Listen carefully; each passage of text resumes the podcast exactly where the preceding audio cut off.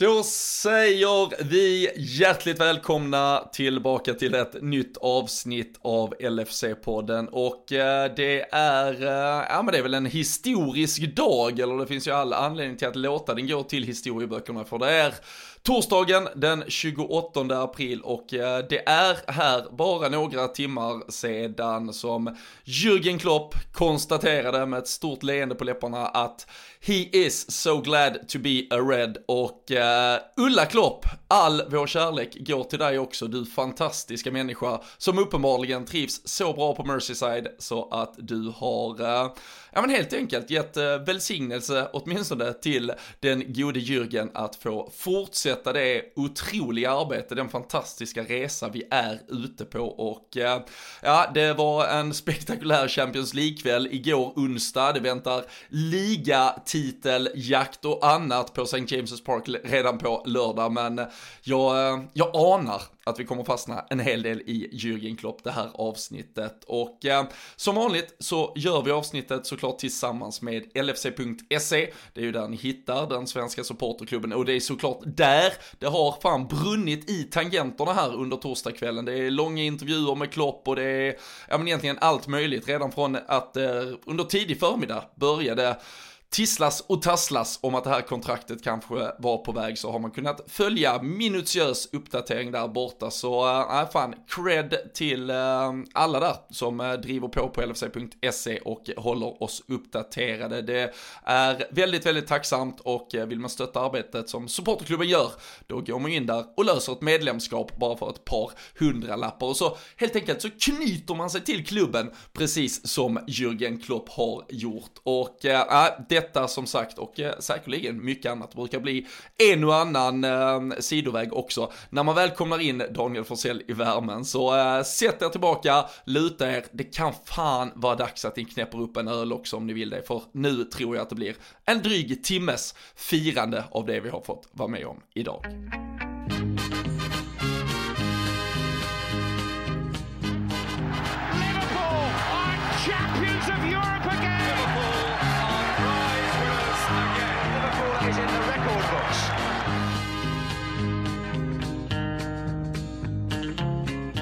Jajamensan, Daniel Forsell. Det är, eh, ja men eh, det finns ju egentligen aldrig några dåliga dagar att vara a red så att säga, men today is a good day to be a red. Det kan vi konstatera det med ett kloppleende på läpparna och eh, som eh, jag inledde här, skicka all vår kärlek till Ulla Klopp också, som eh, trivs som fisken i vattnet på Merseyside. Ja men verkligen, alltså det det känns ju som att vi säger det ganska ofta nu för tiden, precis som du är inne på. It's a good day to be a red. Och jag menar, mm, ja, vad är det? Kan det vara en... Eh, ah, Va? nu, tiden går så jäkla fort där men det är ju en eh, två, två, tre timmar sedan här någonting innan vi sitter och spelar in som det kablades ut. Det har ju snackats om det såklart eh, under dagen men eh, officiellt när man liksom får... Alltså det, nu alla har väl eh, kommit så pass långt i sina respektive sociala medieflöden antar jag. Men alltså när... Alltså finns det någonsin en kontraktsförlängning tror du i liksom så här? Det, det är ju ändå i toppskiktet av, eh, av fotbollen. Och så liksom först så sjunger han lite på sin egen sång med lite så här, ser lite mysbakis ut nästan inne på kontoret. Och sen så, så förkunnas det liksom att så här... Det, det är bara, eller inte bara säger han ju, men det, det är liksom varför ställer sig nu folk frågan? Jo men Ulla ville stanna på Merseyside och en eh, good husband husband stannar ju och gör som eh, hans fru vill liksom. Alltså det, är ju, ja, det. Det, det är ju nivån och hela mysbandet mellan tränare, spelare, klubb, supportrar och eh, det, det, det kan ju inte bli mysigare i alla fall. Det kan vi väl konstatera. Jag, jag hade ju för, det, det, var ju, man har ju den klassiska eh, trestegsraketen när det, när det gäller någonting som händer runt. Först kommer då liksom eh, WhatsApp-meddelandet ut till alla lokaljournalisterna fram och runt lunchtid idag. Ni får lov att börja, ni får skriva att det, det är lite grejer i mm, görningen mm. och sådär, så kommer det ut. Sen då två, tre, fyra timmar senare, då kommer David Ornstein med någon exclusive i The Athletic, som är då lite mer preciserad kring detaljer, att det snart är på dags då. Och sen så kommer då beskedet. Jag, jag satt och pratade med Sebastian som har eh, skrivit, återigen, jag, jag hyllade jobbet på lfc.se idag, Sebastian som har suttit och skrivit allting där. Han, han håller för det är en glödande penna när sånt, sånt här händer. Så skrev jag till honom att uh, tro, nog fan att Klopp ändå, han vill lösa det redan idag för det är presskonferens imorgon eller då fredag beroende på när man lyssnar på detta. Det är klart han, det, om, så nära som det verkar ligga, det kommer det komma ikväll. Och det kändes så här, fan Chelsea United här under torsdagen, tänk om United får till en sån här ändå, får till en fullträff, vinner med 4-0, liksom börjar känna någon sån här framtidshopp. Och så går Liverpool ut med att Klopp signar nytt kolla. Och så bara, så bara tar vi över mediebruset igen, så får de inte fira någonting här. Men nu, nu klev vi ut lite innan, det var ändå ett par, eh, tre timmar kanske här, inför deras avspark. Så vi, nu får vi se, nu kommer ju nog inte United vinna en fotbollsmatch heller, det vore väldigt osannolikt. Så, så jag tror inte vi har stulit någon uppmärksamhet, men, ja, nej, alltså, det, det kommer ju, från, alltså det är klart man har känt att, eller snarare man har ju inte mm. känt att han ska förlänga, men man har ju snarare känt varför i helvete ska han vilja lämna det? Alltså det, det han är ju, alltså han är ju gjord för klubben. Klubben gjord för mm. honom, alla älskar, alltså, och det, det är ju klart att Alltså man blir ju nästan lite så här eh, Hollywood-manuskriptad i, i huvudet när man känner den här sången som har kommit som jag inte tror har undgått någon och liksom I'm so glad Jürgen is a red och så kan man liksom ta hela det och, och paketera hela den här kontraktsförlängningen med det. Men eh, det, det är ju såklart något som har legat där länge och han pratar ju själv om hur den här säsongen har ja men revitaliserat, alltså gett all den där energin som som han säkerligen befarade när han gick ut till ett skadeskjutet, tomt Anfield och skulle leda fram oss i det jävla harvandet förra året. Och så nu har detta, så det är, ja, det, man kan ju inte säga att det bara var en tidsfråga, för det var, det var men också, det var, det, var, det var ju faktiskt två år kvar på det andra kontraktet. Mm. Och att ändå skriva de här han satt ju själv och körde nästan den där, uh, när, han, när han satt och räknade upp sina sex fingrar efter Champions League-finalen. Nu satt han och nästan räknade upp sina, hur många år fan blir det? Jag har kvar här.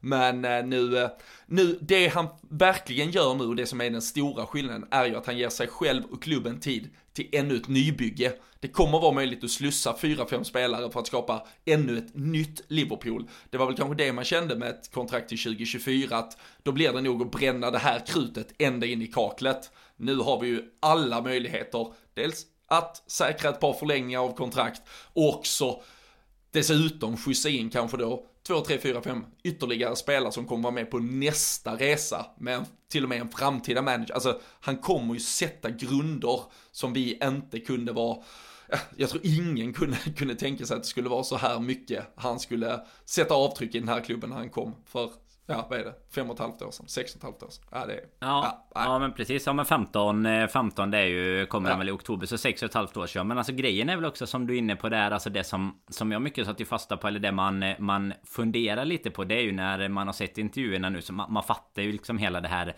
bandet och hela grejen och hur, hur verkligen eh, manager och eh, klubb har, har funnit varandra och att det redan från början var det ju till och med så när han kom att det var liksom det skulle krävas ett speciellt jobb för att han skulle, skulle ta på sig ett uppdrag. Och eh, nu lite som du är inne på det så tror jag ju att den här säsongen Alltså det, det, hade ju varit intressant att typ se ett parallellt universum där den här säsongen går lite åt helvete och se liksom okej okay, Hade man liksom börjat titta åt en annan riktning då hade han liksom börjat känna att nej det börjar Nu, nu börjar det liksom gå neråt. Sen hade det ju såklart varit eh, Det hade ju varit åt helvete för oss och, och sitta med, med en sån säsong. Men jag menar nu är det liksom en kvadrupeljakt som man ju faktiskt kan snacka om på riktigt. Alltså från att från början ha varit så här Ja men vi är ju faktiskt kvar i allt Men nu är vi ju verkligen i sluttampen på allt. Du har liksom fått in spelare som en En Dia som liksom kommer in och verkligen alltså, leverera direkt. Du har en Thiago som har kommit igång. Du har en Jota som ändå är relativt ny. Alltså lite som du var inne på där. Det har, det har liksom staplats upp spelare. En Konate kan vi ju ta som vi, vi kommer komma in på sen som var liksom magnifik igår. Alltså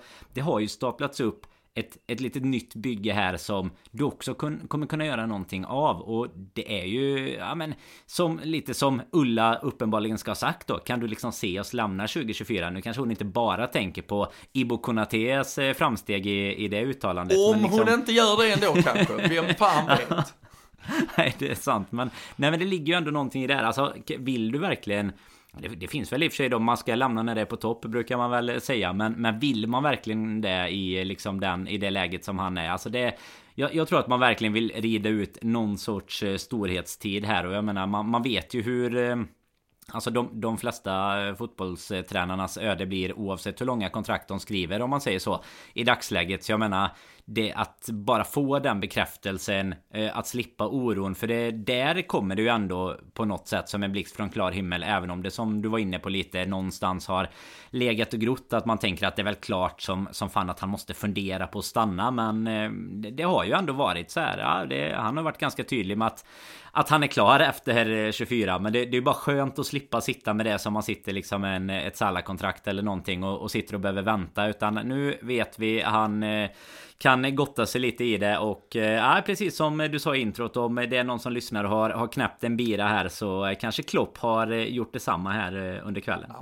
Och det, det, alltså där kan man ju inte, symbolvärdet i, i det här kontraktet kan ju inte nog understrykas heller till de, de här spelarna, vi pratar eh, Salah, har ju varit det vi främst mm. har pratat om, men en Sadio Mané som också sitter på ett kontrakt som går ut 2023, båda två i, i 30-årsåldern som kanske då har ett fyraårskontrakt drygt i sig att signera nu i sommar. Alltså tänk skillnaden att veta att ah, det är två år med Klopp där vi ska pressa ut vad vi kan och sen så blir det nog något nytt vi ska bygga om och vi får ju se hur jävla viktig du är i den rollen. Kontra att Klopp sätter sig ja, bara sätter sig öga mot öga med de här spelarna och säger killar, jag vill att ni är med mig de här fyra åren. Är ni sugna? Ja, då kör vi liksom. Det, det måste ju också ge sån otrolig, ja, otrolig jävla effekt. Äh, vill, vill man ju tro i alla fall. Jag kan inte, Alltså jag, jag har svårt, precis som jag har svårt att se de här spelarna, var de skulle känna att, att livet blir bättre. Fotbollsmässigt pratar vi ju, och inte bara vi, utan även objektivt, alltså de som, de som sitter utanför och tittar på pratar ju om ett Liverpool som är på en nivå idag som, som ingen, ja, absolut inte just nu och, och historiskt kanske inte heller kan mäta sig med, så varför skulle du som spelare vilja lämna detta? Vi, vi pratar alla ganska enigt om att Jürgen Klopp är kanske ja men om inte världshistorien, eller världshistorien, men en av världens bästa tränare så dess, dessutom då en av de kanske mest likeable och alla pratar om liksom känslan och kärleken att få spela fotboll för honom. Så varför skulle en spelare i dagens Liverpool vilja lämna detta så länge vi som klubb ser dem som en viktig del av vår framtid? Och med då Klopp, och dessutom här, det ska vi inte glömma att Peter Kravitz och Pep Linders skriver lika långa kontrakt, fortsätter. Och där, nu har ju Kravitz, han har alltid varit den här högerhanden till Klopp, men Pep Linders har också tagit en helt ny roll. Han kom ju som lite, ja men ung upcoming när han kom in i Liverpools verksamhet, var ju dessutom i Holland, provade vingarna som, som huvudtränare, nu gick det inte så, så jättebra just det fallet, men alla som har lyssnat på bara en presskonferens eller en intervju med honom vet jag att det är förutom liksom en fotbollstaktiker av, av Guds nåde så är det ju också en otroligt varm människa, alltså en stark personlighet som, som mycket väl har en större framtid om man säger, än att stå i skuggan av någon annan. Men, men han finner sig ju också i rollen att i fyra år till så kan jag vara den som bara sitter och gnuggar vid ett ritbord för att Jürgen Klopps Liverpool ska ta över världen och det, är, jag tycker det är det är så, ja, det, det är speciellt. Det, det som är fan sjukt med den här, och nu, jag, jag tror inte på gräs, hela, alltså sen jag vaknade i morse, strålande soligt jävla Skåne också. ja men så, så har jag bara gått och nynnat liksom så här, I'm so glad that Jürgen is a Alltså satt bilen i morse med ungarna på väg till skolan och de bara, Jürgen is a red, Jürgen, och sen bara, nej sen, ah, vilken jävla dag det är, oh, det är underbart. Ja. Ja men det ska, det ska inte underskattas eh, ditt eh, jobb för kontraktsförlängningen. Man vet ju att det finns eh, en bugg på ett och annat ställe. Antingen att de lyssnar på den rakt av eller att det buggar i bilen och sånt. Så att det kan vara lite skönsång ifrån Bara som gjorde att, att det blev just idag. Han kritar på. Det gick rakt in i någon sån här radio, vevradio hemma hos Ulla och, och Jürgen vet du. Så, ja, så bara, nej. Ja, jag, jag, sa, jag sa precis till äh, grabben här, gick precis och la sig och äh, fyller åtta år imorgon. Jag sa det blir inga presenter. Oj, oj, oj. Du, du, har fått vad du ska ha. Du ska, du ska få uppleva Jürgen Klopp fram tills du är 12 år. Snorunge. Det är bara att njuta liksom. Det är herregud. Ja, det, Nej, sådana helt, presenter helt skulle man otroligt. fått när man fyllde åtta Danne. Då fick man väl, ja, jag vet inte, de barkbit eller någonting. en ba ja. en det, var, det var tuffa tider på 90-talet. 90-talet var tufft. Ah, Nej men alltså det är ju som du säger, alltså symbolvärdet eh, bara för alltså hur välmående klubben är men också vad, vad vi kan bygga vidare på i andra kontrakt. För ja, som du säger både hur vad, vad han och hela hans ledarstab betyder men också eh, hur liksom hyllad och eh, ja, men hur liksom spelarna verkligen eh, krigar och, och kämpar för för dem. Det är ju klart att eh, även attraktionskraften för Liverpool liksom kommer ju kommer ju ligga där och eh, håller man sig i toppen och man samtidigt har har liksom hela den biten för det var ju lite det som såklart byggde Alltså vissa av våra värvningar också innan vi kanske nådde den, den liksom ultimata eh, toppen Det var ju att eh, många vill spela för ett Liverpool lett av Jürgen Klopp och jag menar det Kan du liksom matcha både att vara på topp och eh, liksom vara en, en klubb i sån otrolig harmoni så så känns det ju som att du kan inte få en mycket bättre ekvation på, på förhand i alla fall och lite som som du är inne på. Jag menar Linders är ju fortfarande så pass ung med att jag menar han och om det nu är tanken att man ska bygga vidare typ och, och lämna över det till honom eller någon liknande i goda händer så, eh, så kommer ju han bara se och lära och som du säger han har ju tagit en annan, annan roll där han liksom har presskonferenserna i kuppmatcher och ja, man, det kan man ju förresten rekommendera. Nu ska jag säga här att jag drar det direkt från eh, ärmen här med så att jag såg ju det lilla klippet men jag kommer inte ihåg riktigt vart det var så man får väl söka upp det men när han... Eh, han, han går igenom Barcelona-segern eller? Jajamän, när de ja. går igenom det. det. det. kan man ju se om man nu vill liksom imponeras ja, lite extra av honom där. Ja, han har så Coaches Boys eller något sånt på YouTube. Jag, jag hann bara starta upp och, och se inledningen på det också. Det, kom väl idag? Ja, det släpptes Precis, idag. Det kom idag. Ja, men då, då pratar han ju om, uh, han bryter ner detaljer. Lite mer avancerat än när Riti-Ola och gänget sitter och bara drar ett par streck liksom. Fan mer. Det är fan värre än oss till och med ju. Ja. Lite mer än, än LFC-podden till och med. Det ska han fasen ha.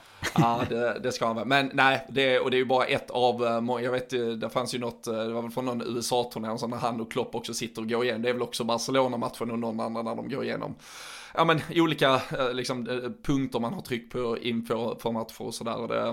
Man, man hör ju i alla sådana sammanhang hur delaktig han är i, eh, i väldigt mycket av, av det som görs. Så det är, det är ju fantastiska nyheter det också, att, att han förlänger in i uh, den här då, vad vi hoppas blir en förlängd framgångsperiod och där kan man ju säga så det, det är klart att det, det, kommer inte vara varenda säsong antagligen där vi, där vi går in i maj månad och slåss om en kvadrupel, men mycket mer garant än så här för att det ändå är ett Liverpool som stannar i toppen av både engelsk, europeisk och världsfotboll. Det kan man ju inte få. Alltså en spelare in och ut, ett kontrakt hit och dit. Det kan alltid slå, form kan förändras, det kan komma skador, men alltså att Jürgen Klopp som fundamental byggsten bara trycks rakt in längst ner i det här bygget, även då förbi 2024, det det kommer ju som du säger, han har, han har redan varit här mer än sex år, det kommer, det kommer vara mm. över tio år av ja, men en dynasti som, det vågar jag säga, med tanke på var vi är redan nu, så kommer vi titta tillbaka på den och minna, du och jag kommer vara skrövliga gubbar en gång långt fram i tiden där, där vi sitter på puben och pratar om åren med Jürgen Klopp på exakt samma sätt som där sitter gubbar idag och berättar om, om Paisley och Shankly och allt de har varit med om på på, på gud vet när, vilket jävla årtionde, men alltså det är, äh, det är, eh, det är speciellt. Det vi, och jag, jag satt och tänkte, alltså frågan är, kan fotbolls, alltså så här, en pokal i hamn, vi är fortfarande högst liksom med i racet om ytterligare tre och den här kvällen sitter vi här och pratar några timmar efter att Jürgen Klopp har förlängt sitt kontrakt det, det, kan vara piken vi är på där, jag vet inte om det kan bli så mycket bättre. Och det, det får man nog fan stanna upp och bara i alla fall kanske inte fördjupa sig kring, men bara reflektera lite över att vakna inte upp imorgon och ta sånt här för givet, för jävlar vad det är en resa från de mörkaste stunderna och Roy Hodgsons eh, äh, Rabotnitski away liksom till, till där vi sitter idag och, och bara får äh, sitta med ett leende och prata om den plats vi är på som mm. fotbollsklubb och som, som man som supporter får vara en del av. Nej men det försöker man ju som eh, Det har vi väl sagt flera gånger Det försöker man ju påminna sig om Även om det är svårt i och med att man Snarare sitter liksom med, med ångest inför varje match Som kommer typ två, tre dagar efter Den matchen man precis fick avsluta sin Sin matchångest för. Men det är ju håret Det reser sig nästan lite på armarna när du pratar om att eh, Vi kommer se att, Alltså att man sitter där en dag Det är ju så sant också. Vi kommer sitta på någon eh, Någon storträff och vara lite bittra för någon tränare som inte jag sitter Så kommer man prata om Kommer du ihåg eh, liksom på På Ja vad säger man 10 och 20-talet det låter ju konstigt men det är väl så man kommer referera till det. Och eh, liksom när vi, när vi fick in Klopp och liksom hur det revolutionerade alltihop. För det är ju faktiskt så också att det har vi ju sett i mängder av andra klubbar. Precis som du är inne på där att jag menar kontrakt eh, hit och dit, någon spelare. Det är ju, det är ju egentligen två saker. Alltså det är ju en en väldigt typ då ålderstigen trupp. Du behöver göra en total förändring, alltså en revolution i hela truppen. Många börjar bli trötta och sådär. Visst, det är en stor sak om det händer samtidigt. Jag menar, det är väl lite det vi pratar om att att de faktiskt har försökt bygga bort lite här nu. Men nummer ett, alla kategorier är ju när du har en tränare eller ett system som liksom är implementerat. United, alltid det här klassiska exemplet. Finns ju hur många som helst. Vi har ju ett eget där i såklart när, när Daglish försvinner och sådär. Men jag menar tar du, eh, tar du att Klopp skulle försvinna och du tar in, alltså du inte bygger vidare och det är ju inte ens en garanti såklart för det. Men jag menar du, du tar in någon annan helt enkelt och tänker att nu, nu ska det här bli bra. Nu ska vi bygga vidare på detta och då eh, kan det ju bli total pannkaka bara för att alla kommer ju ändå in med sina idéer och liksom sin stil och vill sätta sin prägel och jag menar då eh, då är det ju verkligen så att vi här ska vi ju bara bygga vidare på någonting som redan redan funkar liksom. Det var ju som eh, som man sa när eh, amerikanerna eh, if it if it ain't broke don't, don't hicks it som man ju sa med Hicks och Gillette där om man ska mm. minnas tillbaka på andra tuffa tider som vi har haft som supportrar. Men nej, det är väl alltså det, det, är ju skönt att vi kan sitta i 20 minuter också. Vi har inte ens nämnt att vi spelade CL-semi igår och, och vann ganska komfortabelt liksom mot Everton. Eller jag menar Villarreal menar jag. Och rotera några spelare i slutet så de fick vila ja. också. Det, nej, det, nej, men och, och som Vi bytte in statyn Origi också, så jävla... Alltså det, att den inte är byggd än. Jag, när, när vi åker över om en ett par, två, tre veckor här så eh, är den inte uppe statyn då så ska jag personligen bygga den eh, i eh, något material. Jag vet inte, jag är inte så bra på sten. Det, men kommer, vi får se. Detta kommer att sändas live. Dannes Origi-statybygge. 48 timmar livekamera. Det var länge sedan vi körde Periscope så det kan vara dags för, för, alla för en eh, bästa Periscope. så har vi lagt det åt sidan.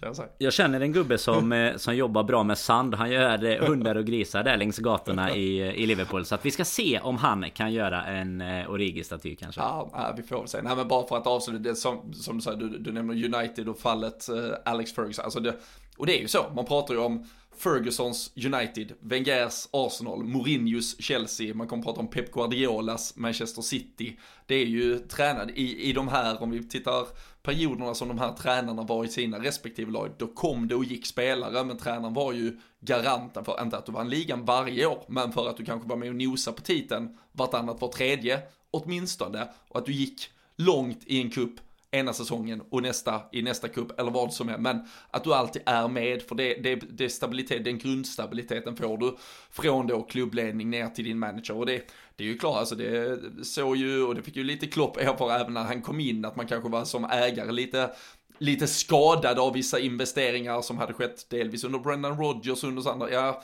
ja, du får nu visa någonting först under ett eller två eller tre år innan du får den där pengasäcken eller innan du får mm. mandatet att göra det där.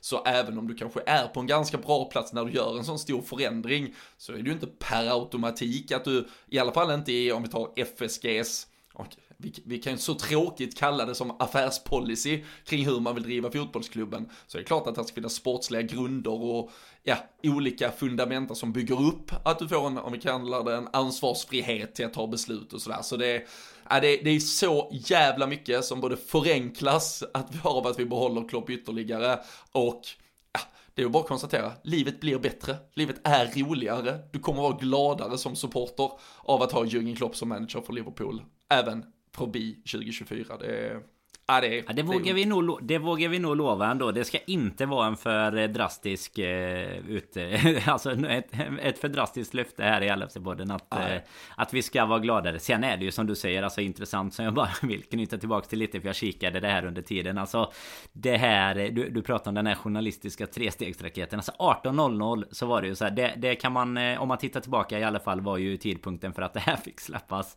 Liksom på riktigt, alltså det här officiella då. Mm. För det var ju som du sa, det kom ju någon någon artikel där vi typ eh, 16.30, 17 svensk tid pratar jag nu 18 liksom så lägger ju bara alla ut precis samma meddelande. Alltså det är så jävla tråkigt egentligen. Men det är också, det är väl också på något sätt eh, ett fungerande liksom ja, ett tecken på att någonting fungerar. Jag kommer inte... Fastän det, det är någon match här i veckan ju som det var mycket snack om. Eh, var det...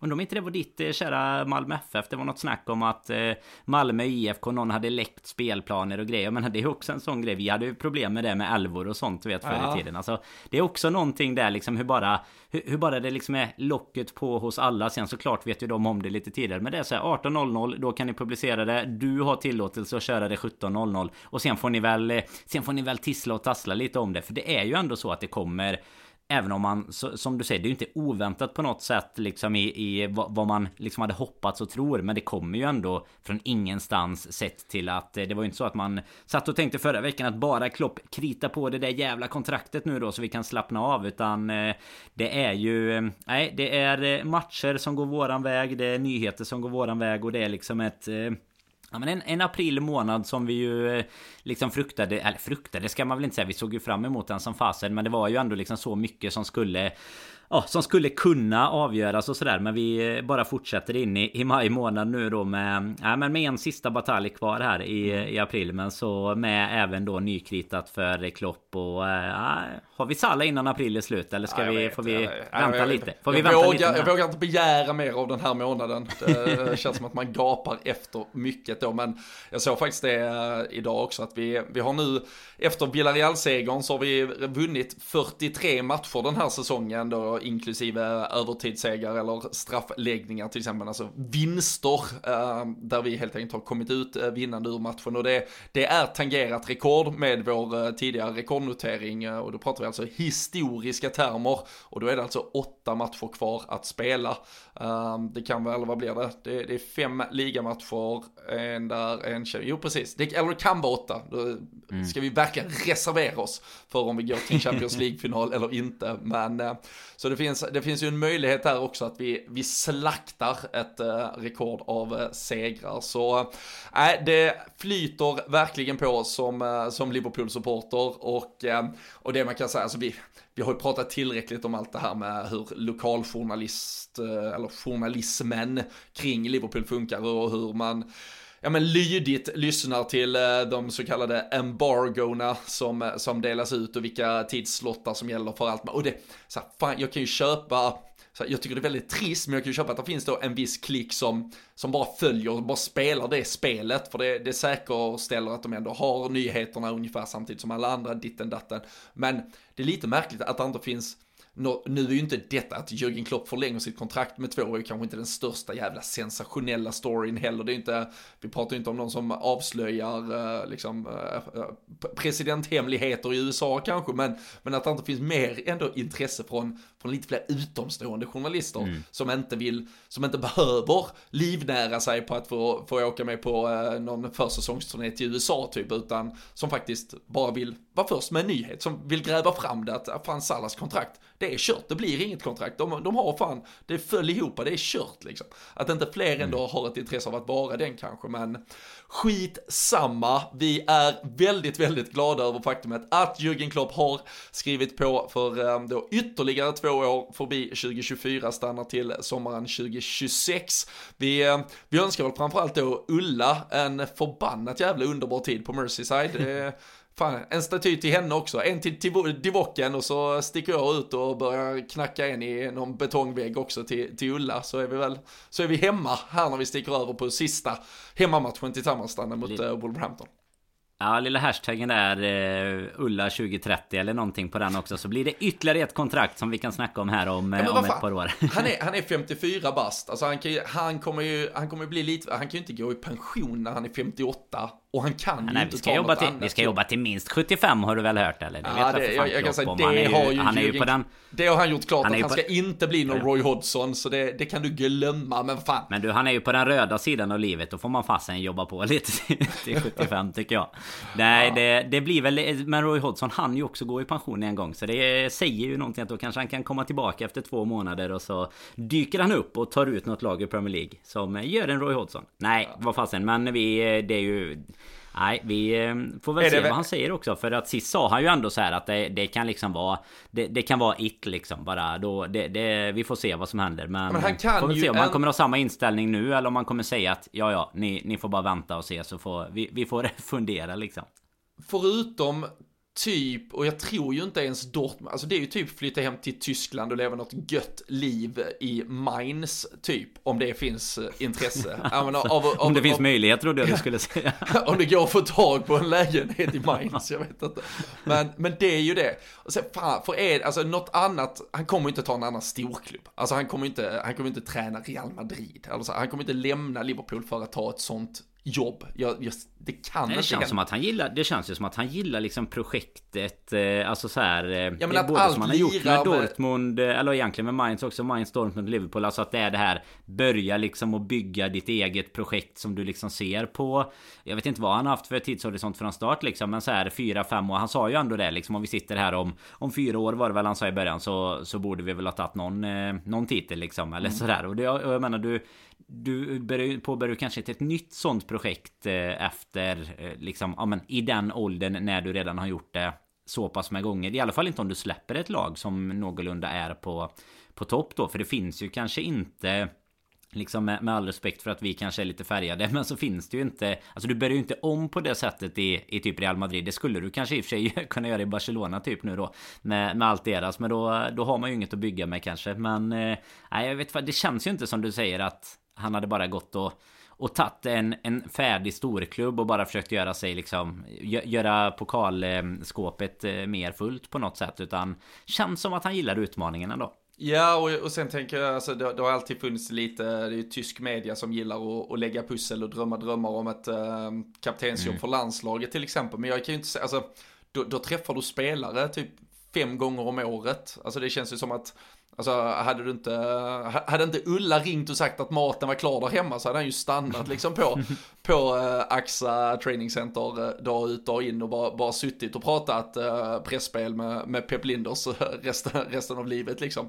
Så jag kan inte se riktigt hur han, att han skulle motiveras av att typ bara flänga runt i Europa för att titta på sina tyska landslagsspelare och sen träffa dem var, ja, varannan månad, lite drygt liksom. Det, nej, det, men vi får, vet vad? Vi skiter i vad som händer 2026 för nu lever vi här och nu och njuter av faktumet att han kommer stanna fyra år till och eh, vi kan eh, den eh, kanske om några dagar räkna in en eh, tredje finalplats i Champions League också på bara fem år. Det Ja, behövs väl egentligen inte sägas mer eller sätta ord på prestationen här de här senaste åren med Klopp för att, eh, för att försvara vår glädje till att han stannar. Men, eh, men det här är ju såklart en av, en av delarna som sticker ut och eh, precis som du sa där innan så var det alltså en första av två semifinaler hemma mot Villarreal här under onsdagen och ett Liverpool som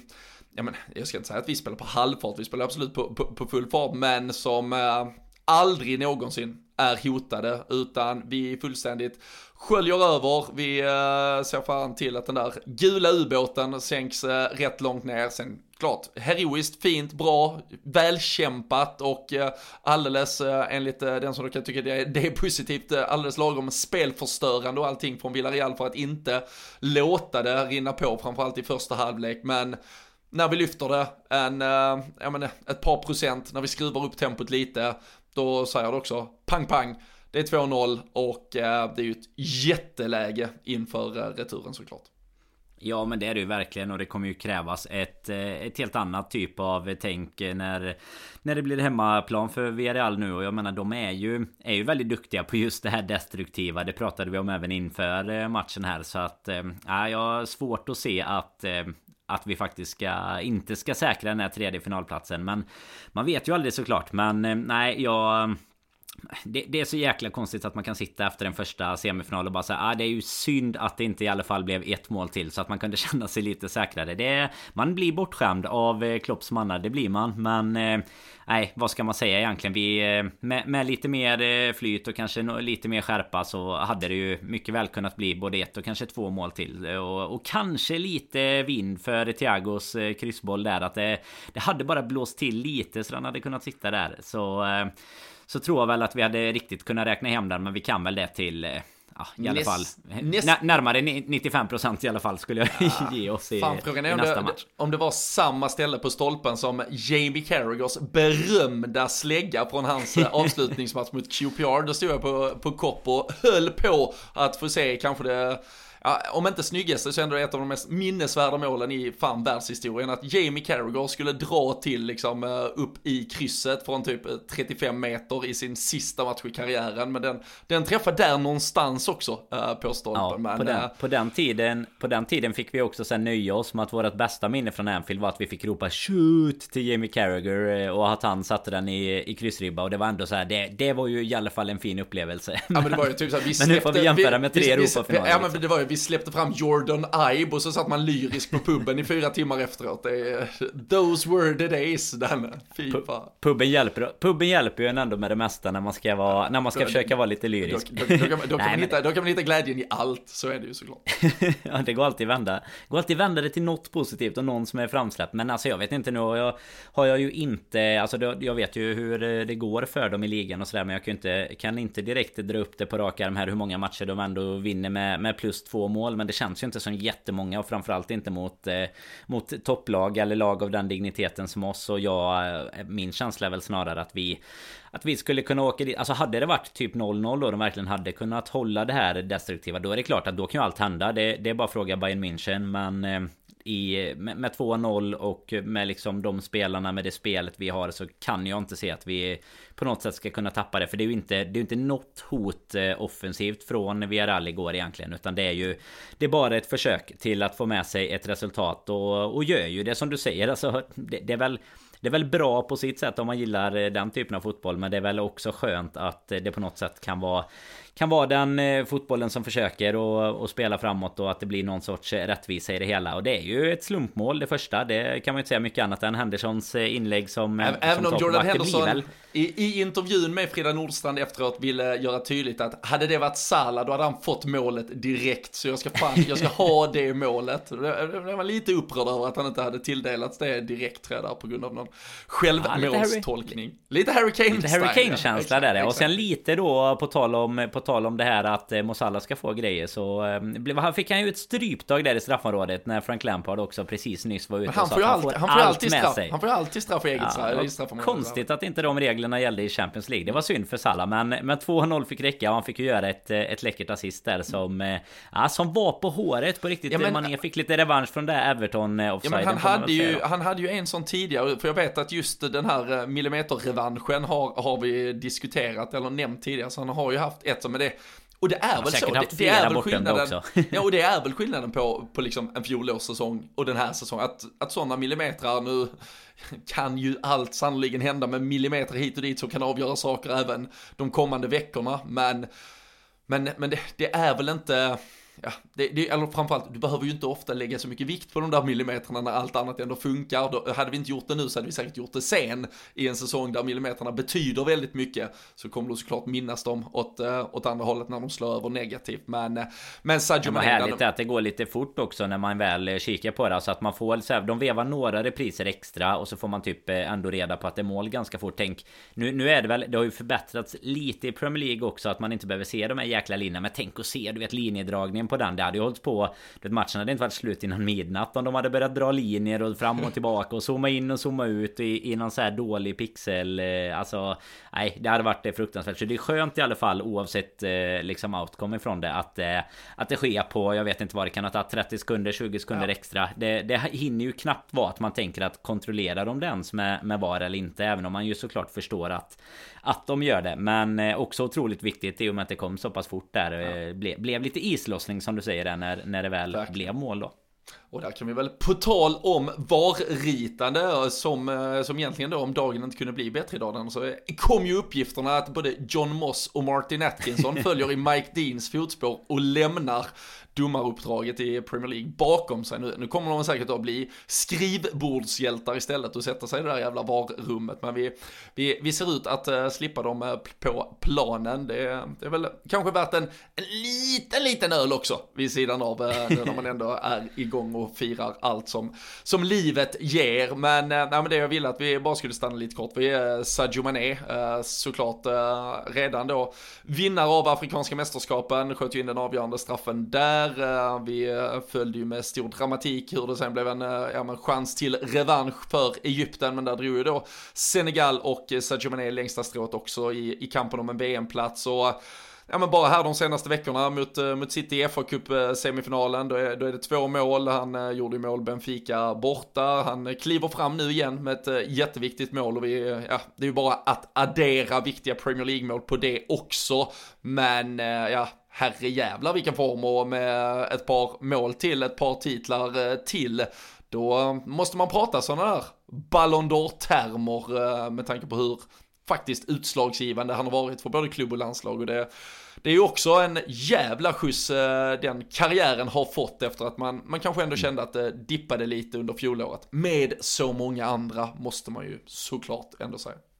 Jo men även i andra diskussioner tycker jag det har faktiskt varit under några säsonger när det från början gick liksom ehm, Mané eller Salah svårt att välja och sådär till att det verkligen har tagit eh, Salahs favör. Men Han har ju fått en liten pånyttfödelse framförallt i den här centrala positionen såklart som vi har diskuterat innan när Diaz har kommit in och, och kunnat bidra från vänsterkanten. Men ehm, Alltså jag vet att jag och Fredrik pratade om det i något avsnitt. Jag vet inte kan det vara någon månad sen eller kanske en och en halv eh, någonting eh, Då när ehm, när han egentligen både, ja, när de redan både har tagit sig till eh, VM och, och liksom Afrikanska mästerskapen och hela, alltså allt det samlades utan att han liksom hade hunnit påbörja så mycket av eh, sin eh, ja, men sitt, sitt bidrag som han faktiskt hållit på med nu i det sista också. Men, men nu är det ju verkligen på allvar som du säger. Alltså nu är han ju en, en avgörande kugge igen och är ju verkligen en eh, väldigt stor del av liksom det här maskineriet som bara pumpar på som är Liverpool egentligen och framförallt när Alltså när Salah statistiskt fortfarande helt, eh, helt liksom sjuk och överlägsen och, och i ligan och sådär men, men ändå har hunnit med en liten eh, formdipp också så, så har ju han verkligen klivit fram och att, att man liksom kan hitta För den toppen han ändå har varit på då, då fanns det ju såklart en risk Eller man hade någon sorts känsla för att han Han kanske började liksom stagnera lite och var på väg neråt och kanske hade tappat sina allra främsta egenskaper. Men att man då kan Dessutom i kanske en lite ny eh, Nygammal eller sådär position komma och eh, ja, men bidra så extremt mycket som han gör. Och jag tycker att det har lyft hela vårat Alltså med Firminos liksom pressspel och sådär har varit galant i i alla år men man får liksom något Alltså något ytterligare i det här ettriga av eh, en Sadio Mané längst fram Där vi lyfter laget tycker jag numera nästan ännu snabbare och tillbaka i det här som Klopp verkligen kom med och, och gjorde för de här sex och ett halvt år sedan När det verkligen bara var Liksom Adam Lalana som fick springa upp från eh, mittfältet och bara sätta press på första gubben och, och liksom anfallare och sådär fick hänga med. Det känns som att vi är lite tillbaka i I det där att vi ska Vi, vi ska liksom alltid löpa mest Vi ska springa mest Vi försvarar. Alltså först Det, det man är liksom första försvarare försvarare om man säger så. Och det märker man ju hur ofta vi faktiskt Alltså hur ofta vi faktiskt vinner boll på det och med typ en Thiago på mittfältet som gör Som också då återigen gör en helt briljant match och, och har liksom sitt sätt att eh, ja, låsa upp svåra situationer på och bidra med helt otroliga passningar så, ehm, så har vi ju verkligen kreativiteten för att att liksom ha en, en ganska lugn boll i backlinjen för motståndarlaget till, till att vara ett läge för oss eh, typ 10 sekunder senare och det nej det får man verkligen inte underskatta vad, vad coachningen eh, kan göra där och jag menar en, eh, att det är väl mycket form i det där med kan jag tänka mig. Du vet en Sadio Mané kommer igång lite och så rinner det på och så är det lite som du, som du var inne på. Då får man kanske de här besluten. Då sitter man på rätt sida. Även om Andy Robertson i så fall behöver jobba lite på sin form. För det var väl en och en halv meter eller något som han var, han var fel. Men eh, nej, det är ju helt fantastiskt att, att få bidrag från honom igen. Och sen eh, för att lyfta den, den sista med som inte är med i poängproduktionen där Men alltså Diaz återigen vilken han har ju eh, i ditt eh, målbett där några chanser även ja, denna ju, gången ju, att jag, fortsätta jag bidra. räknar, jag räknar som att han har gjort 14-15 kassar nu i alla fall. Jag, jag, jag skiter i allting. Jocke, du har bett Jocke ska bjuda. Han ska bjuda i uh, Villarreal uh, nästa vecka. Det, det är liksom det, Jag tar inte ens med mig plånbok. Det, det blir bara att låta junioren uh, ta, ta hand om noterna på uh, Paella Inflationsjusterat uh, ditt, uh, ditt bett eller? För det ska tydligen alltså, vara extremt hög inflation i Spanien hoppas jag att du har förberett dig på nu. Ni kanske jag, jag flyga hem. Jag ska ha 5000 istället för 500 nu.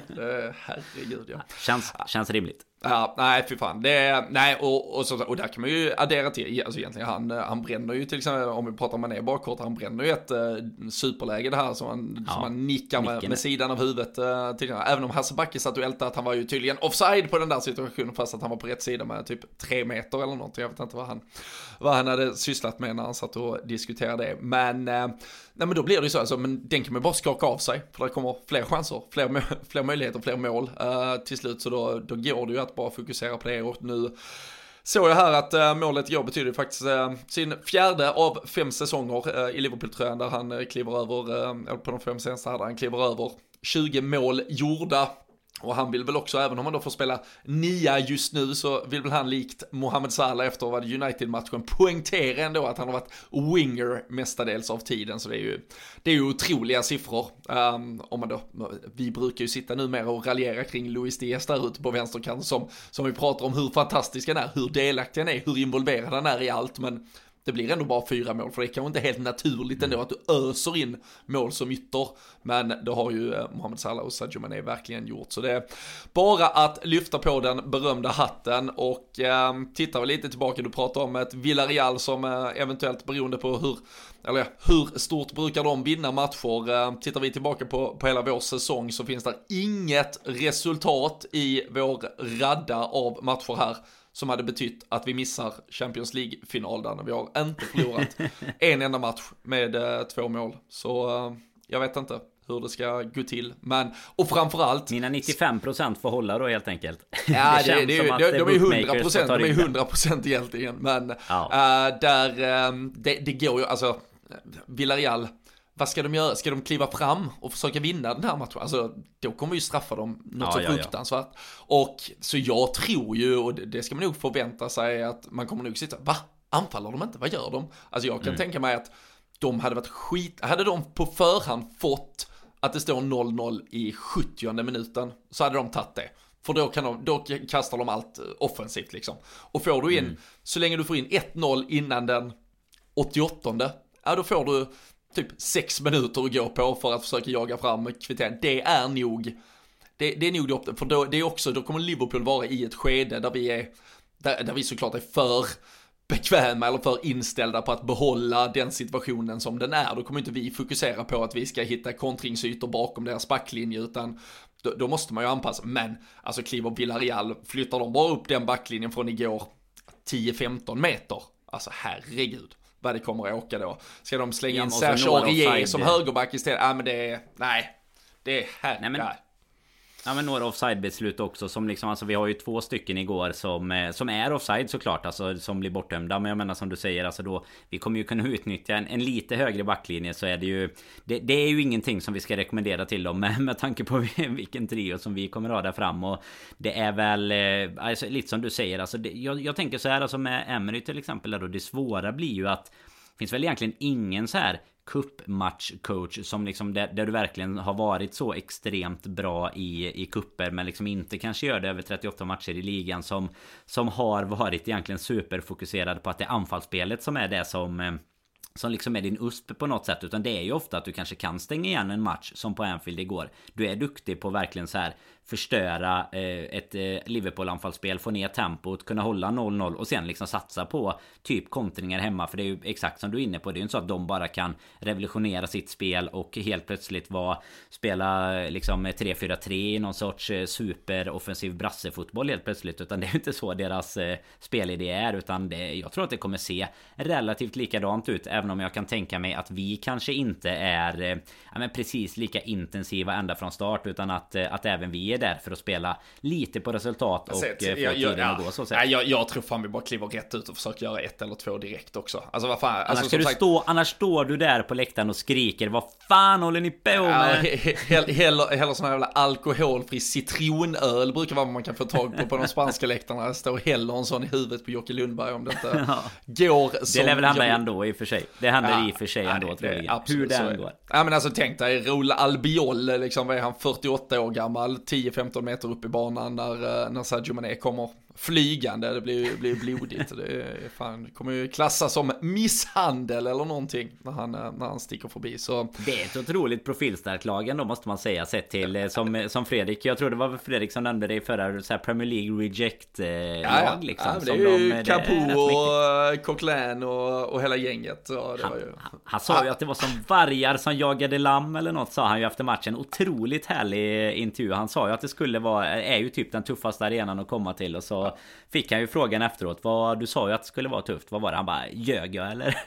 Nej, men de, ja, men de, de sa ju också, eh, enligt, tittar man här på statistiken så blir ni ju, så har ni inte så mycket chanser. Han bara, åh fan, så du menar att statistiken visar att Liverpool var bättre än oss?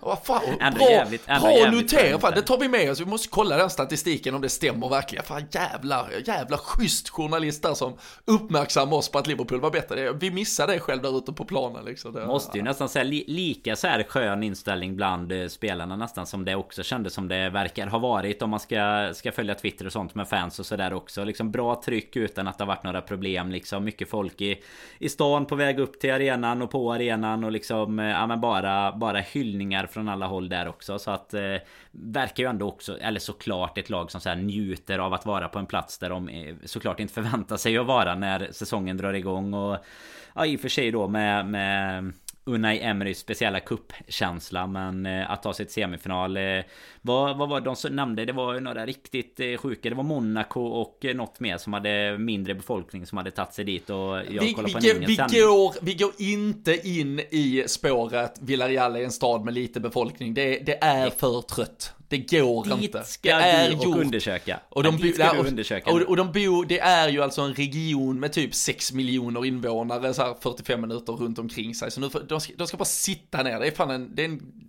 det är en stor jävla region alltså. Jag orkar inte höra att det är en liten stad. Nej men, men... Då, då byter vi istället till att i alla fall alltså med deras ligaposition och sånt så är det ju ändå. Du ska inte vara i semifinal med liksom den eh, med den. Framförallt inte då om vi går in på trupp. Eh, alltså på laget. Då ska du inte vara i semifinal i Champions League liksom. Så, så Som du nämnde liksom Capoe och Arier och hela hela faderullan.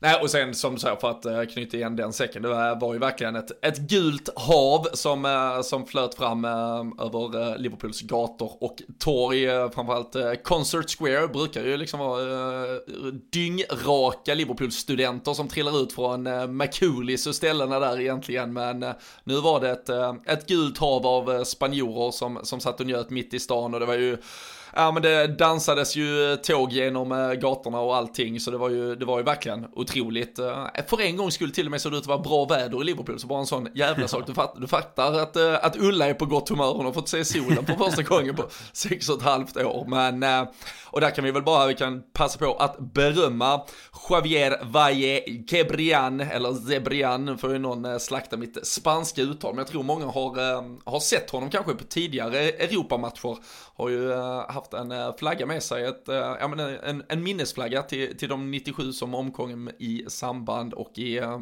ja, men, efterspelet av Hillsborough-katastrofen. Så, så redan tidigt där, säkert många som varit över i Liverpool som har varit på Taggis, den här härliga hotell Tia och Birgarden som ligger på Anfield Road och han blev ju lite då VIP-inbjuden till att spendera dagen där, så det är ju vackra scener från när den här då Villarreal-hyllande flaggan till de 97 vajar inne bland uh, Liverpool-supportrarna och de, ja, ja, men de, de stötte ju upp till att uh, sjunga med i You Never Walk Alone till exempel och med tanke på de veckor som har varit med, med burop och nidrams och allting så det, det, det känns jävla, det, det bör ju såklart vara det absolut jävla bara normalaste att göra som en medmänniska, mm. så här, visa sympati och respekt och empati mot, mot människor som har omkommit och personer som ja, men till följd av det har varit traumatiserade. Men uh, tyvärr är inte alltid fotbollen så som uh, ja, livet eller världen borde vara. Så vackert att se från Villarreal. Nu hoppas vi att, eh, jag såg också Merseyside Police eh, gick väl ut med att det var det mest, eh,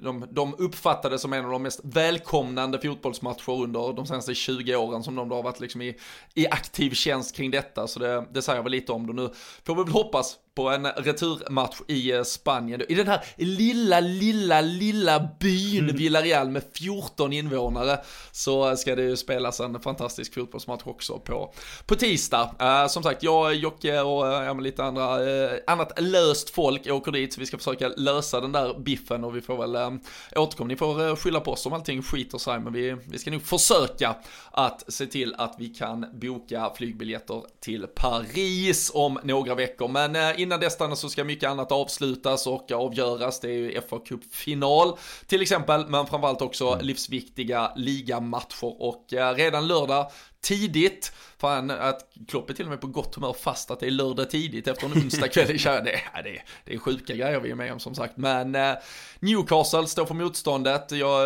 eh, raljerar lite kring att Liverpool kunde rotera och vila spelare framåt slutet av eh, gårdagen här också. Men eh, hur starkt tror du vi är redo att eh, mönstra laget och eh, tänker man att någon spelare måste vila här för att vi sen ska gå full styrka igen på tisdag i Spanien eller vad ska Klopp nu placera ut de olika energiflödena för att få eh, maximal effekt av eh, båda de matcherna med så tajt eh, schema som väntar.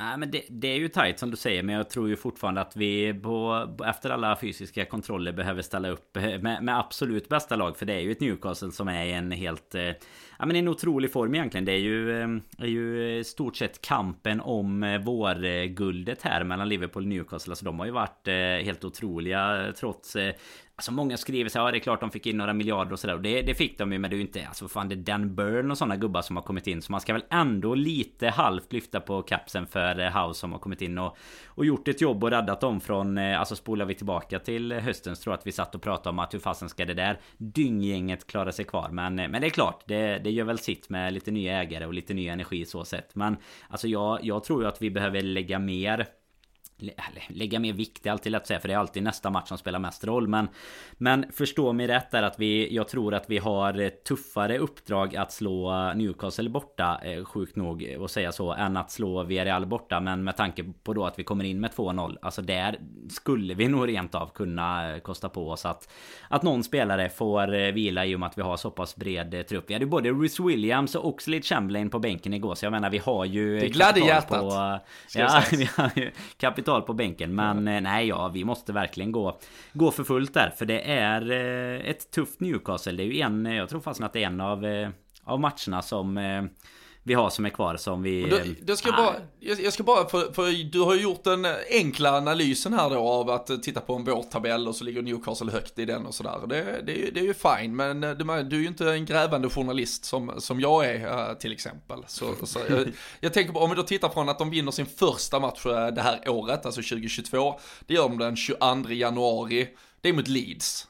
Jättebra jobbat. Sen vinner de mot Everton, Shohei. De vinner mot Aston Villa, wow. Spelar kryss mot West Ham. De vinner mot Brentford som är nere på 10 man. De vinner mot Brighton, de vinner mot Southampton. Sen förlorar de mot Chelsea, de förlorar mot Everton, de förlorar mot Tottenham. Sen vinner de mot Wolves, Leicester, Crystal Palace och Norwich. Det är inte jättetunga skalper de har tagit.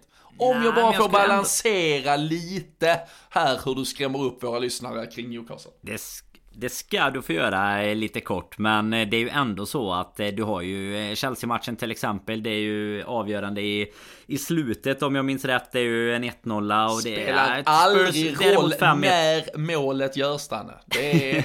Däremot 5-1 mot Spurs. Det är Ett lag som har förlorat med 5-1 mot Spurs Det ska Ett lag som har förlorat mot Everton. Ett lag som har förlorat mot Everton Danne. Förstår du hur dåliga det är?